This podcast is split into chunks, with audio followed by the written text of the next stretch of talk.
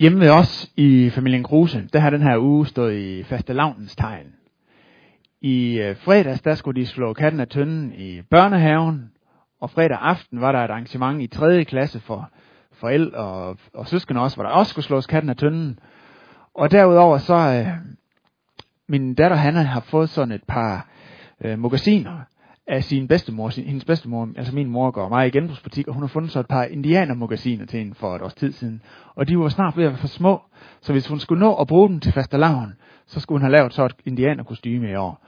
Så det øh, gik sidste weekend med at, at kreere. Så det har rigtig stået i øh, fastelavnens tegn hjemme også i den her uge. Og øh, børn, de glæder sig bare til fastelavn. Det er en fest, og, øh, og det er noget, de husker. Det ligger der et godt stykke efter jul. Så skal der til at ske noget her. Og øh, øh for, for mig som voksen, så det, det mest sådan faste lavn af fest, det er de her faste lavnsboller. Jeg kan rigtig, rigtig godt lide faste lavnsboller. Og øh, min kone Bente, hun bager nogle virkelig gode faste lavnsboller. Så det er noget af det, som jeg sådan ser frem til der hvert år ved faste. Og så både for børn og voksne, så er der sådan, det, det, det er en, øh, der er noget folkefest over det her med, med øh, faste lavn. Ikke mindst for detailhandlen. Toys R Us, de går fuldstændig amok i øh, kostymer af alle mulige forskellige slags. Og Bager og Føtex går ekstra ud af at fortælle, at nu har de altså faste lavnsboller, som man kan købe.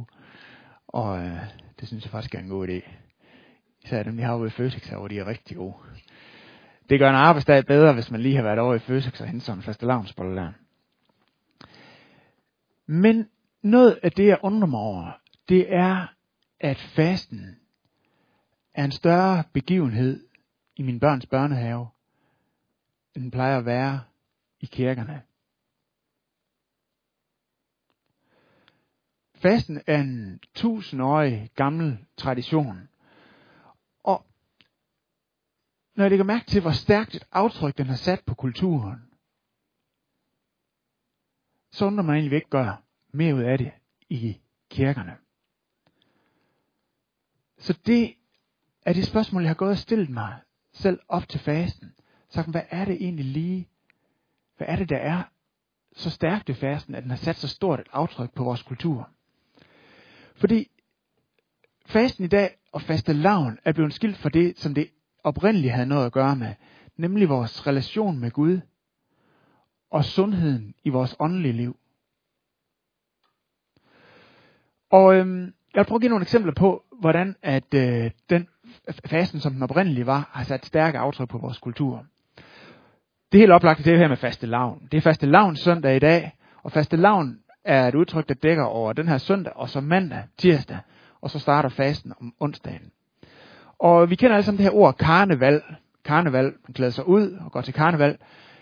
Men egentlig så er det her ord et ord, der kommer fra latin, karnevale, og det betyder farvel kød. Farvel kød. Så vi kender alle sammen det her udtryk karneval, men hvor mange danskere siger farvel kød? Øh, det var et eksempel. Så bliver det mandag, og den hed i gammel tid flæskemandag, for det var den sidste dag, man spiste flæsk, så skulle man have spist op, og så gik man bare til flæsken der mandagen. Og så kom tirsdag, den blev kaldt hvide tirsdag, fordi det var der man, det var den sidste dag inden fasten, hvor man drak mælk og spiste æg og spiste hvidt mel. Så skulle man spise op af hvidt mel, og det er faktisk der, den her tradition med faste lavnsboller kommer fra. Alle ved, hvad faste lavnsboller er, men ingen stopper med at spise hvidt mel den dag.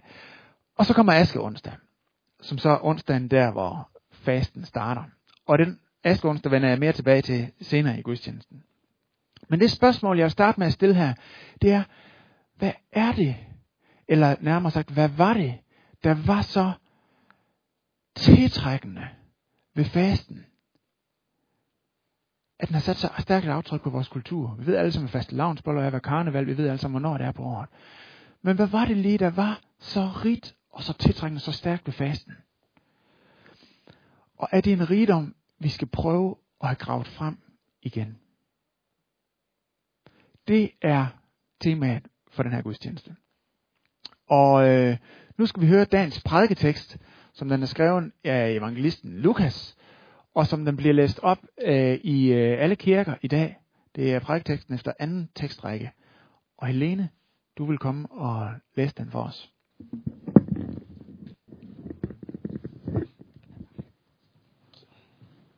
Han tog de 12 til side og sagde til dem, Se, vi går op til Jerusalem, og alt det, som er skrevet ved profeterne om menneskesønnen, skal opfyldes. Han skal overgives til hedningerne, og de skal håne ham, mishandle ham og spytte på ham. De skal piske ham og slå ham ihjel, og på den tredje dag skal han opstå. Men de fattede ikke noget af det. Det var skjulte ord for dem, og de forstod ikke det, som blev sagt. Da Jesus nærmede sig Jericho, sad der en blind mand ved vejen og tikkede. Han hørte, at en skar kom forbi og spurgte, hvad der var på færre. De fortalte ham, at det er Jesus fra Nazareth, som kommer forbi. Der råbte han, Jesus, Davids søn, forbarm dig over mig. De, som gik foran, troede af ham, for at få ham til at tige stille. Men han råbte bare endnu højere, Jesus, Davids søn, forbarm dig over mig. Og Jesus stod stille og befalede, at manden skulle føres hen til ham. Da han var kommet derhen, spurgte Jesus ham, hvad vil du have, at jeg skal gøre for dig? Han svarede, Herre, at jeg må kunne se. Og Jesus sagde til ham, Bliv seende, din tro har frelst dig. Straks kunne han se, og han fulgte ham og priste Gud. Og hele folket så det og priste Gud. Tak skal du have, Helene.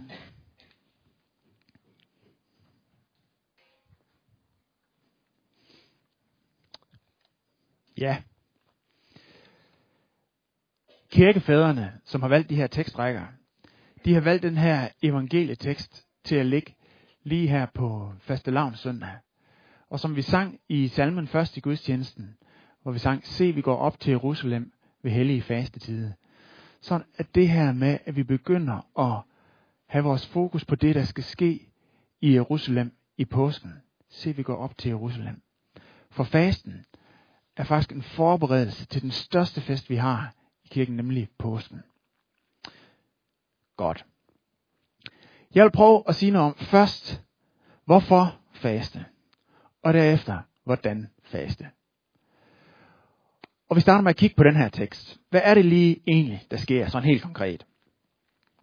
Jo, Jesus han tager de her 12 disciple til side, det er hans kerneteam, dem som leder den øvrige discipleflok, og så siger han, ved I hvad gutter, nu skal der til at ske en øh, lille drejning i den her mission, vi er på. Fordi nu går vi nemlig op til Jerusalem. Og det skal I bare lige være forberedt på.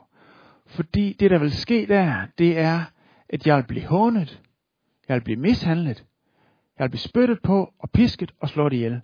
Men, øh, siger han Jesus, det ved jeg jo nok, fordi det står det jo om i alle profeterne. Så det, det regner jeg med, at jeg er med på. Og de er bare, Hæ? Hvad? Hvad? De fatter ingenting. Overhovedet ikke. De fatter ikke en bjælle af det, han siger. De har slet ikke lagt mærke til det der. Og at de skulle gå op til Jerusalem, for at han skulle øh, hånes og piskes og spyttes på. Det var slet, slet, slet, slet, slet ikke en del af den forestilling om, hvad det var, de var i gang med. Og de kunne slet ikke få det til at passe sammen med nogen som helst ting. Og Lukas, øh, øh, som har skrevet det her, jeg synes altid, det er så fedt, når at disciplenes øh, frygt og deres, det de ikke havde forstået, og deres, alt det menneske, med øh, almindelig menneskelighed, det, det bliver fremhævet i evangeliet, fordi det kan vi spejle os i. Det kan jeg spejle mig i. Og Lukas han gør virkelig en pointe ud af det her. Han lader det ikke bare stå som sådan en regibemærkning, fordi vi skal tale pænt om disciplene. Han siger virkelig, de fattede ikke noget, det var skjulte ord, og de forstod ingenting. Ja, okay, så har vi forstået det. De fangede det virkelig, virkelig ikke. Godt. Det var den første beretning. Så går vi videre. Og, og Lukas han skildrer her, når det kommer lige efter det her, nemlig at blive på vej op til Jerusalem, og de kommer til Jericho. Det er sådan halvstor by, der ligger 23 km nordøst for Jerusalem. Og så øh, skildrer øh, Lukas, hvordan at der var en mand, der sad øh, der uden for byen. For de andre evangelier ved vi, at han hed Bartholomeus. Og han var blind. Han var desperat. Og han, han, han, var, han var helt desperat, og han kalder på Jesus. Og Jesus spørger ham, hvad vil du? Og han siger, kan jeg få lov til at se Jesus? og så bliver han seende igen. Og så hører vi, hvordan han priser Gud. Både manden selv priser Gud, og folk omkring ham begynder at prise Gud, fordi at der var noget, de havde fået at se. Og det, der beskildes her, det er jo en konkret helbredelse. En mand, der blev øh, helbredt. Bum, bum, bum. Men hvorfor ligger de her to beretninger lige efter hinanden? Og hvorfor er de valgt som prædiketekst her faste lavn søndag ved indgangen af fasten? Så den her mand, som var blind, han kom til at se ved et knips, så kunne han se igen. Disciplene, de kunne ikke se pointen i det, Jesus han sagde. Der var en blindhed, de havde. Der var noget i deres syn, som var blevet sløvet. Der var en sløvhed i deres øh, fatteevne. Der var flimmer. De var svagt ind i deres åndelige liv. Og så kommer den her beretning med den her mand, der søgte Jesus i bevidsthed om sin egen blindhed, og i desperation over sin egen blindhed. Og det er pointen i fasten. Pointen i fasten er at blive helbredt fra sløvsind, sløvsyn og åndelig blindhed. Okay. Så ved vi jo det. Og faste, det ved man jo også, hvad det er noget med ikke at spise. Så skal vi ikke bare komme i gang med det, så behøver vi ikke at holde mere prædiken her. Og øh, jo, det kunne man godt sige. Og så nej alligevel. For faste er ikke bare faste. Faste er ikke bare faste. Og øh, i, vor, i samfundet omkring os, der hører vi om fast i forskellige sammenhænge. De fleste af jer har måske hørt om den her detox, eller slankekur med 2-5, hvor man spiser 5 dage, og så holder man op med at spise øh, 2 dage. Og det kan være godt for noget, men det er ikke lige den slags faste, vi taler om her. Jeg har også lagt mærke til, at medierne er faktisk har været meget interesseret i den her øh, fejring af ramadan, som muslimerne har. Hvorfor gør de det? Hvad er det for noget? Det er en ny måde at tænke på og forstå ting på. Det er også en slags faste. Men det er heller ikke den faste, vi snakker om her. Faste er ikke bare faste. Og jeg vil prøve at øh, læse et stykke for jer, hvor Jesus han underviser sine disciple omkring det her med faste. Fra Matthæus evangeliet kapitel 6. Og pointen for Jesus her er også, at faste er ikke bare faste. Så hvad er det lige, han mener? Vi læser her fra kapitel 6 i Matthæus evangeliet fra vers 16. Jesus siger, når I faster. Jesus han tager det altså som selvfølgelig. Jo, men altså disciplene, de faster. Så det vil han gerne lige sige noget til. Når I faster, så må I ikke gå med dyster mine som hyklerne. For de gør deres ansigt ukendeligt. For at det skal være kendeligt for mennesker, at de faster. Sandelig siger jeg, de har fået deres løn. Men når du faster, så salv dit hoved og vask dit ansigt. Det med at salve sit hoved og vaske sit ansigt, det var sådan noget, man gjorde, når man skulle til fest. Ligesom man tager voks i håret, eller øh, det der, hvad det hedder, hårlak. Det er sådan et udtryk. Så gør ligesom, når du skal til fest. Så du ikke faster, sy- faster synligt for mennesker, men for din far, som er i det skjulte. Eller så du faster for din far, som er i det skjulte. Og din fader, som ser i det skjulte, skal lønne dig. Din far, som er i det skjulte.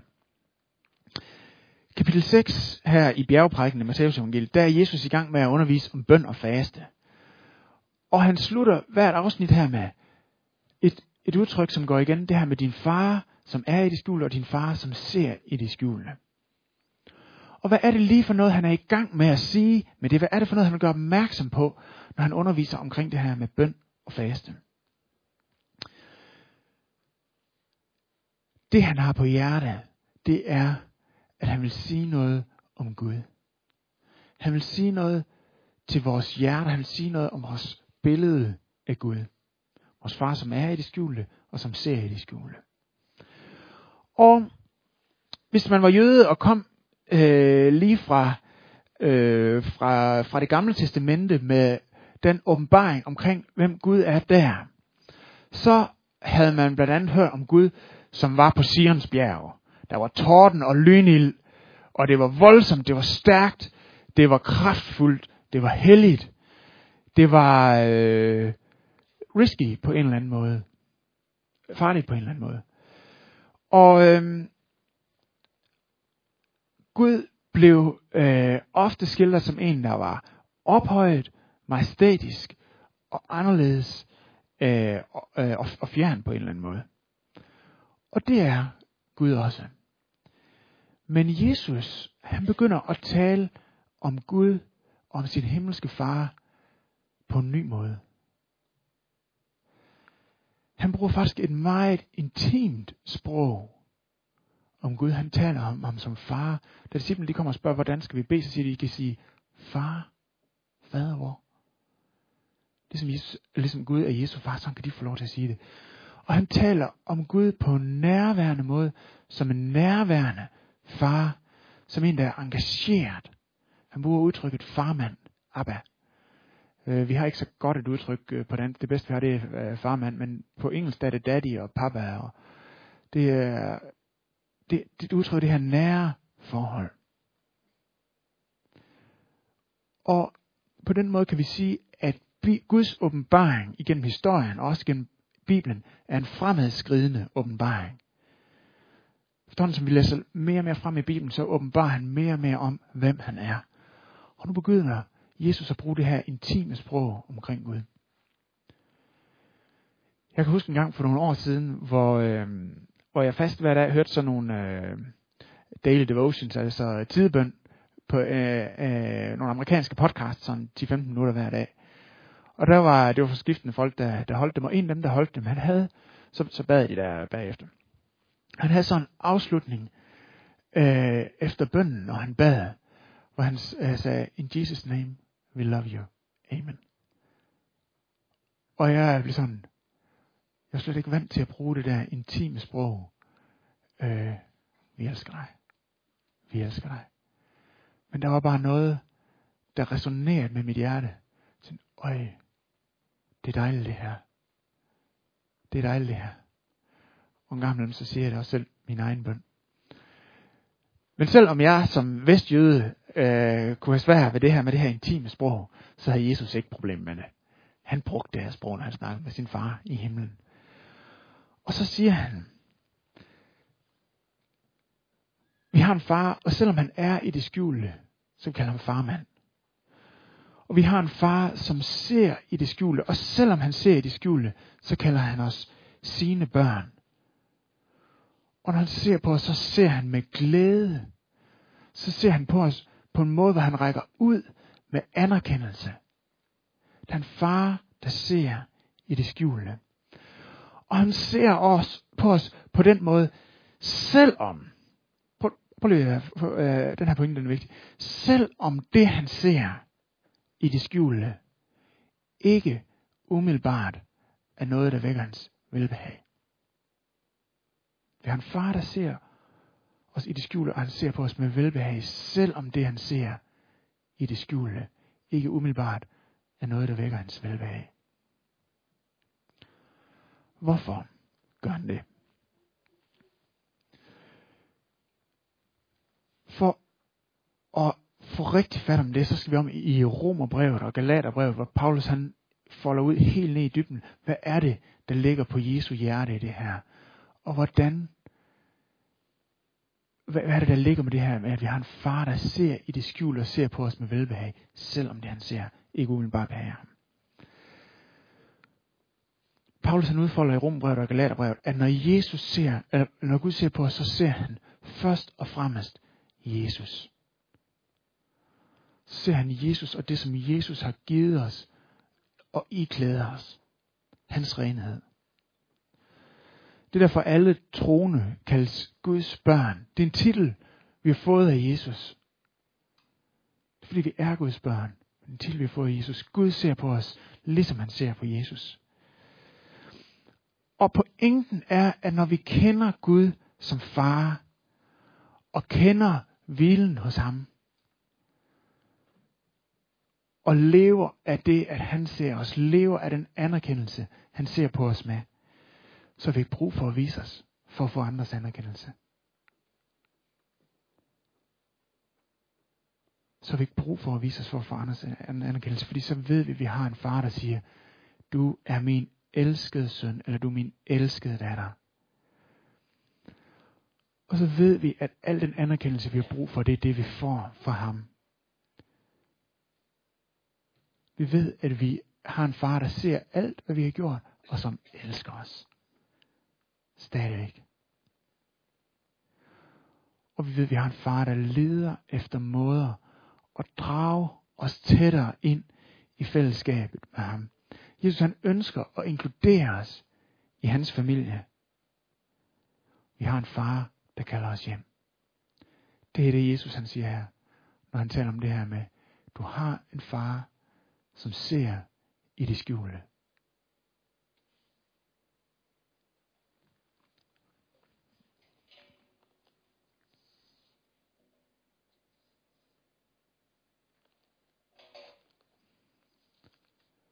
Det var vigtigt for Jesus at understrege det her, når vi taler omkring faste. Og øh, kan vi få billedet om nu, Frank?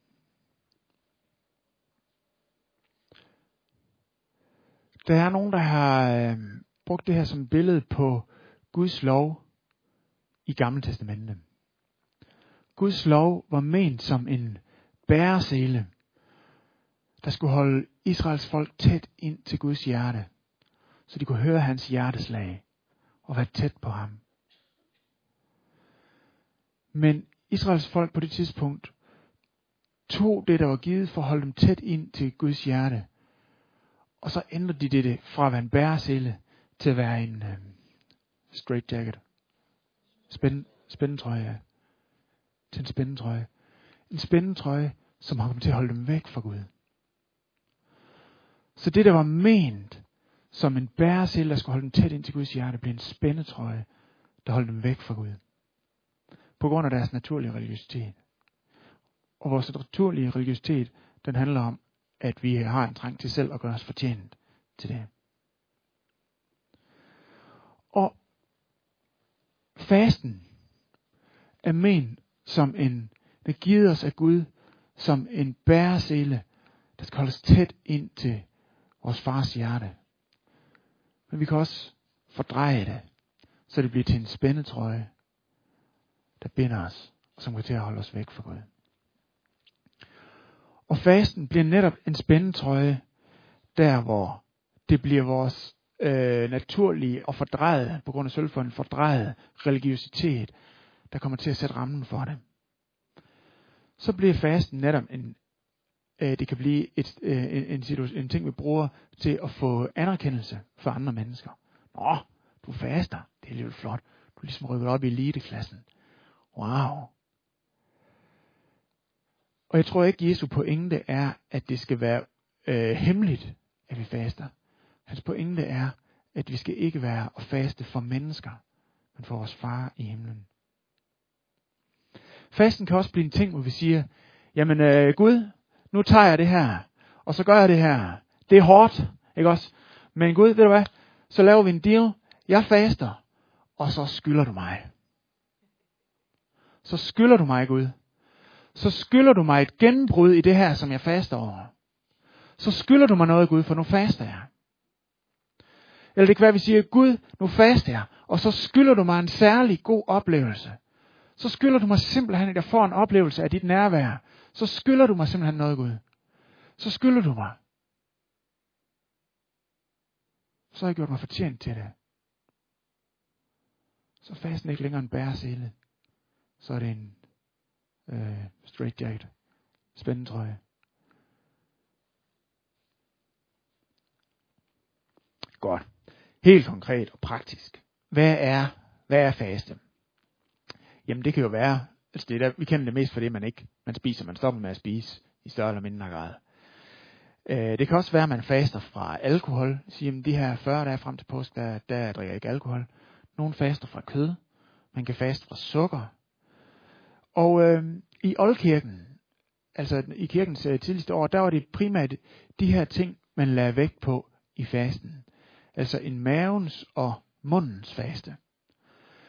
Men jeg tror, i vores dag, så kan vi have lige så meget brug for en øjnenes og ørenes faste Hun måske sige, eller måske sige, jeg faster fra fjernsyn frem til påske, eller jeg faster fra sociale medier, og kommer ikke på øh, Facebook, Twitter, LinkedIn, Google+, Snapchat, Instagram, MySpace, er noget, der hedder det længere. Øh, alle de her ting. Jeg faster fra mine øjne og mine ører, og vælger at have færre input i den her tid. Det kan være forskelligt. Og er det dårlige ting at faste fra? Eller, eller er det dårlige ting, det er det, vi faster fra? Altså mad, sukker, øh, fjernsyn. Nej, det er gode ting. Vi faster netop fra gode ting. Og det er det, der er pointen. Vi faster fra gode ting. Og det fasten kan gøre, det er at tage os tilbage til, hvor de gode ting netop bliver bæresele, der holder os tæt ind til Guds hjerte. Vi tager imod det som gaver fra ham. Fordi hvis vi gør gode ting, de gode ting Gud har givet os, til absolute ting, altså ting vi må have, ting som er afgørende nødvendige, ting som vi har krav på, så bliver det til en spændetrøje, som kommer til at holde os væk fra Gud. Hvis gode ting bliver til absolute ting, for eksempel hvis vi siger, jeg skal have det her job, Gud. Du skylder mig det. Jeg skal have det her hus, Gud. Jeg har brug for den her levestandard, Gud. Jeg skal have den der telefon. Ellers kan jeg simpelthen ikke fungere, og det, det skal jeg have, Gud. Jeg skal have den der kæreste. Eller jeg skal lykkes i det her projekt. Jeg skal det, Gud. Så gør vi de ting, som er gode for os, og som er gode gaver for Gud, til absolute ting. Ting, som vi må have, ting, som vores liv afhænger af, ting, som vi ikke vil give slip på. Så gør vi gode ting, som var tænkt til at være noget, der holder os tæt til Guds hjerte, til absolute ting, der binder os og holder os på afstand af Gud. Gud, du skylder mig. Gud, jeg kan ikke leve uden jeg må have. Og så bliver det til noget, der giver os åndelig blindhed. Der giver os sløv, sløvhed i vores opfatteevne, der gør os svagt seende, som forvrænger vores billede, som gør os blinde. Fasten er en invitation fra Gud til at gå ind i afkald på en god ting. Ikke for at gøre os fortjent til noget. Ikke for at sige, nu har gør jeg det her, så skylder du mig, eller så forventer jeg. Men for at sige, far, jeg elsker dig.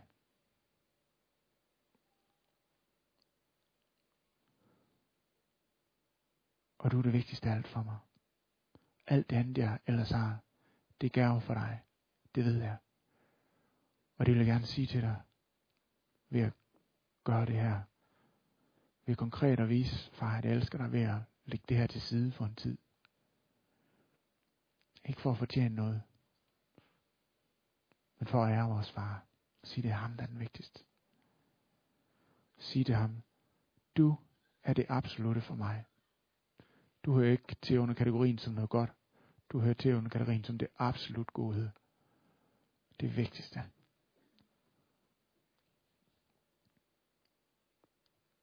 Mother Teresa, hun siger, øh, på dansk siger hun, du ved først, at Jesus er alt, hvad du har, når Jesus er det eneste, du har.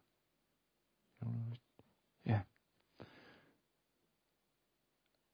fasten er en mulighed for at gå ind i det at sige, nu er der noget, noget godt, noget jeg glæder mig over, noget jeg faktisk ønsker at tage imod med tak, som jeg lægger til side, fordi at jeg ønsker at have den her tid med Gud. Hvor jeg siger, du er det vigtigste af alt for mig. Jeg ønsker at se dig klart. Du skal være det absolute i mit liv. Lad os rejse os op og bede sammen.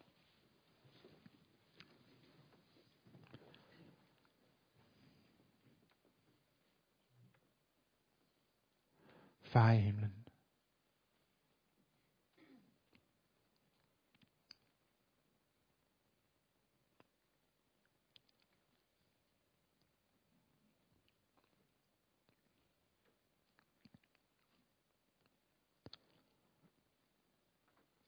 Vi kommer frem for dig.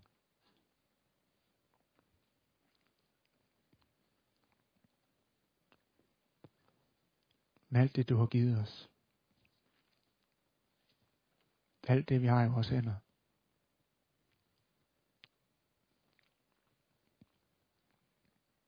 Alle vores evner. Al vores kapital. Alt det, vi ejer. Alle vores relationer. Vores helbred. Vores muligheder.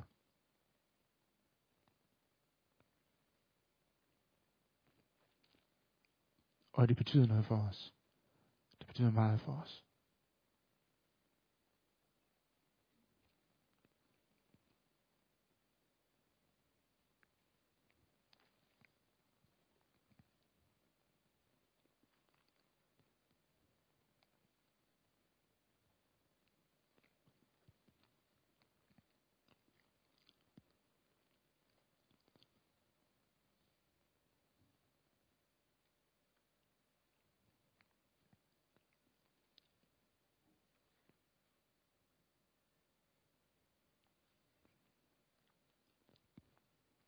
Far,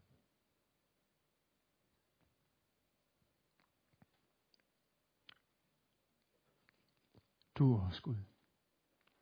Du er vores far.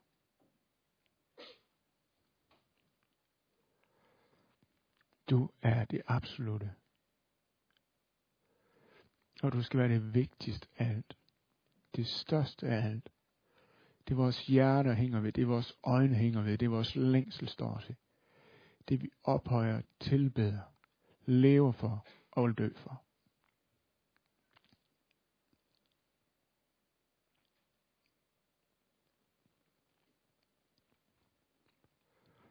Her er vi, far.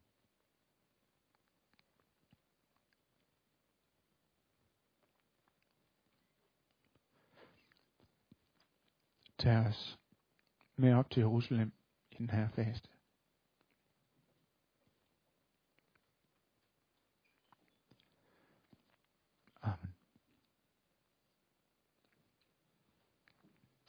Gå til plads. Vi skal nu øh, synge en sang, som vi skal synge øh, hele fasten igennem. Og øh, det skal fordi det er en rigtig god sang. Det er en gammel salme fra 1800-tallet, som Hillsong har øh, pippet lidt op.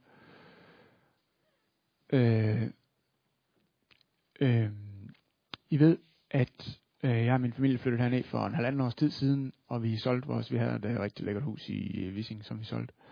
Og øh, så vi glæder os til, at vi skulle finde et nyt hus hernede. Og øh, det er bare ikke rigtig lykkes, og vi har arbejdet rigtig, rigtig meget på det, brugt rigtig mange timer. Og øh, her for øh, er det en måneds tid siden, eller sådan noget, så, så det endelig ud, som om der var en dør, der var ved at åbne sig. Der var en, en rigtig dygtig direktør fra et byggefirma, og jeg havde en god kemi med ham, og det så ud til, at det skulle passe, og og, øhm, og vi skulle bare have, ejendomsmælderen var også med på det, og så var det bare kommunen, der skulle lige hjælpe med nogle ting. Og så for i torsdag, så faldt det hele på jorden igen. Puh, det var jeg træt af. Og jeg gik og sagde til Gud, det er torsdag og fredag. Det kan ikke passe, Gud. Det kan simpelthen ikke være rigtigt. Vi vil simpelthen så gerne have et nyt hus, Gud. Vi bor i det her hus, og Børnene kunne godt tænke sig at være deres værelse, og Bente hun er træt af, at der er mug i alle rum, og, og det er jo noget værd noget. Og øh, jeg sagde til Gud, kan det være rigtigt Gud? Og, øh, og jeg gik og var lidt nedtrykt over det. Så der om fredagen, der var jeg oppe i Aarhus, fordi jeg skulle have et skriftmål samtale med en der. Og øh, så var jeg til tidebøn i Aarhus Valmhed der om middagen, og så er Alman lidt øh, lovsang. Og vi sang den her sang. Yes, fint. My hope is built on nothing less.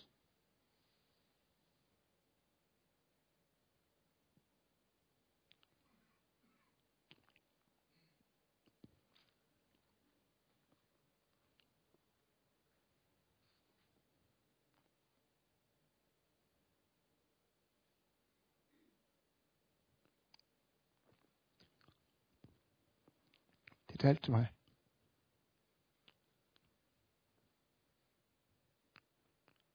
Jeg havde ikke krav på mere. Jeg havde ikke brug for mere.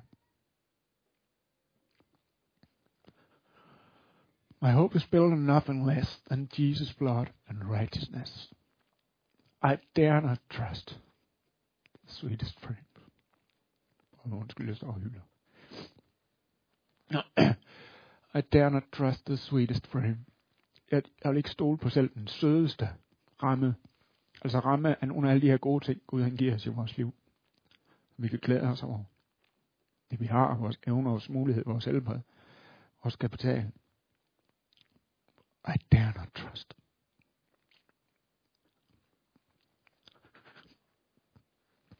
But wholly trust in Jesus' name. Lad os rejse os op sådan her.